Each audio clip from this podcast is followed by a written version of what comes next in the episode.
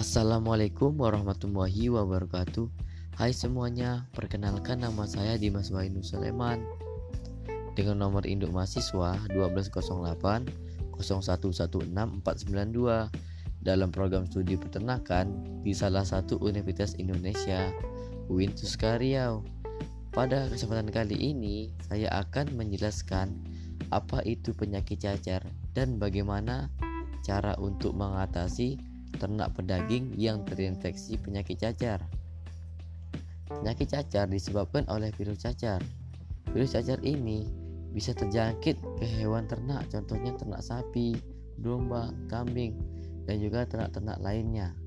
Penyakit cacar jangan kita anggap remeh karena pada intinya penyakit ini bisa menular ke siapa pun, baik itu kita. Gejala-gejala ternak yang terjangkit penyakit cacar. Yang pertama, suhu ternak tersebut di atas suhu normal. Yang kedua, ambing dan puting. Terdapat lepuh-lepuh yang berwarna merah tua. Kemudian akan terbentuk gelembung-gelembung.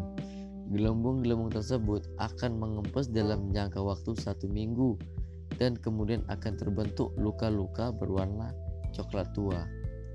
Cara pencegahan dan pengobatan penyakit cacar ternak sapi yang terjangkit penyakit cacar dapat diobati dengan campuran antara tintura yodium dengan gliserin dengan perbandingan 50-50 yaitu 50% 50% dapat juga dikasih obat salap yaitu salap sulfa.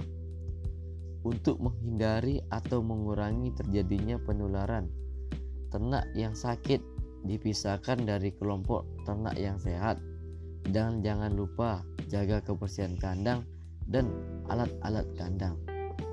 Baiklah, sekian dari saya. Wabillahi taufiq walhidayah. Wassalamualaikum warahmatullahi wabarakatuh.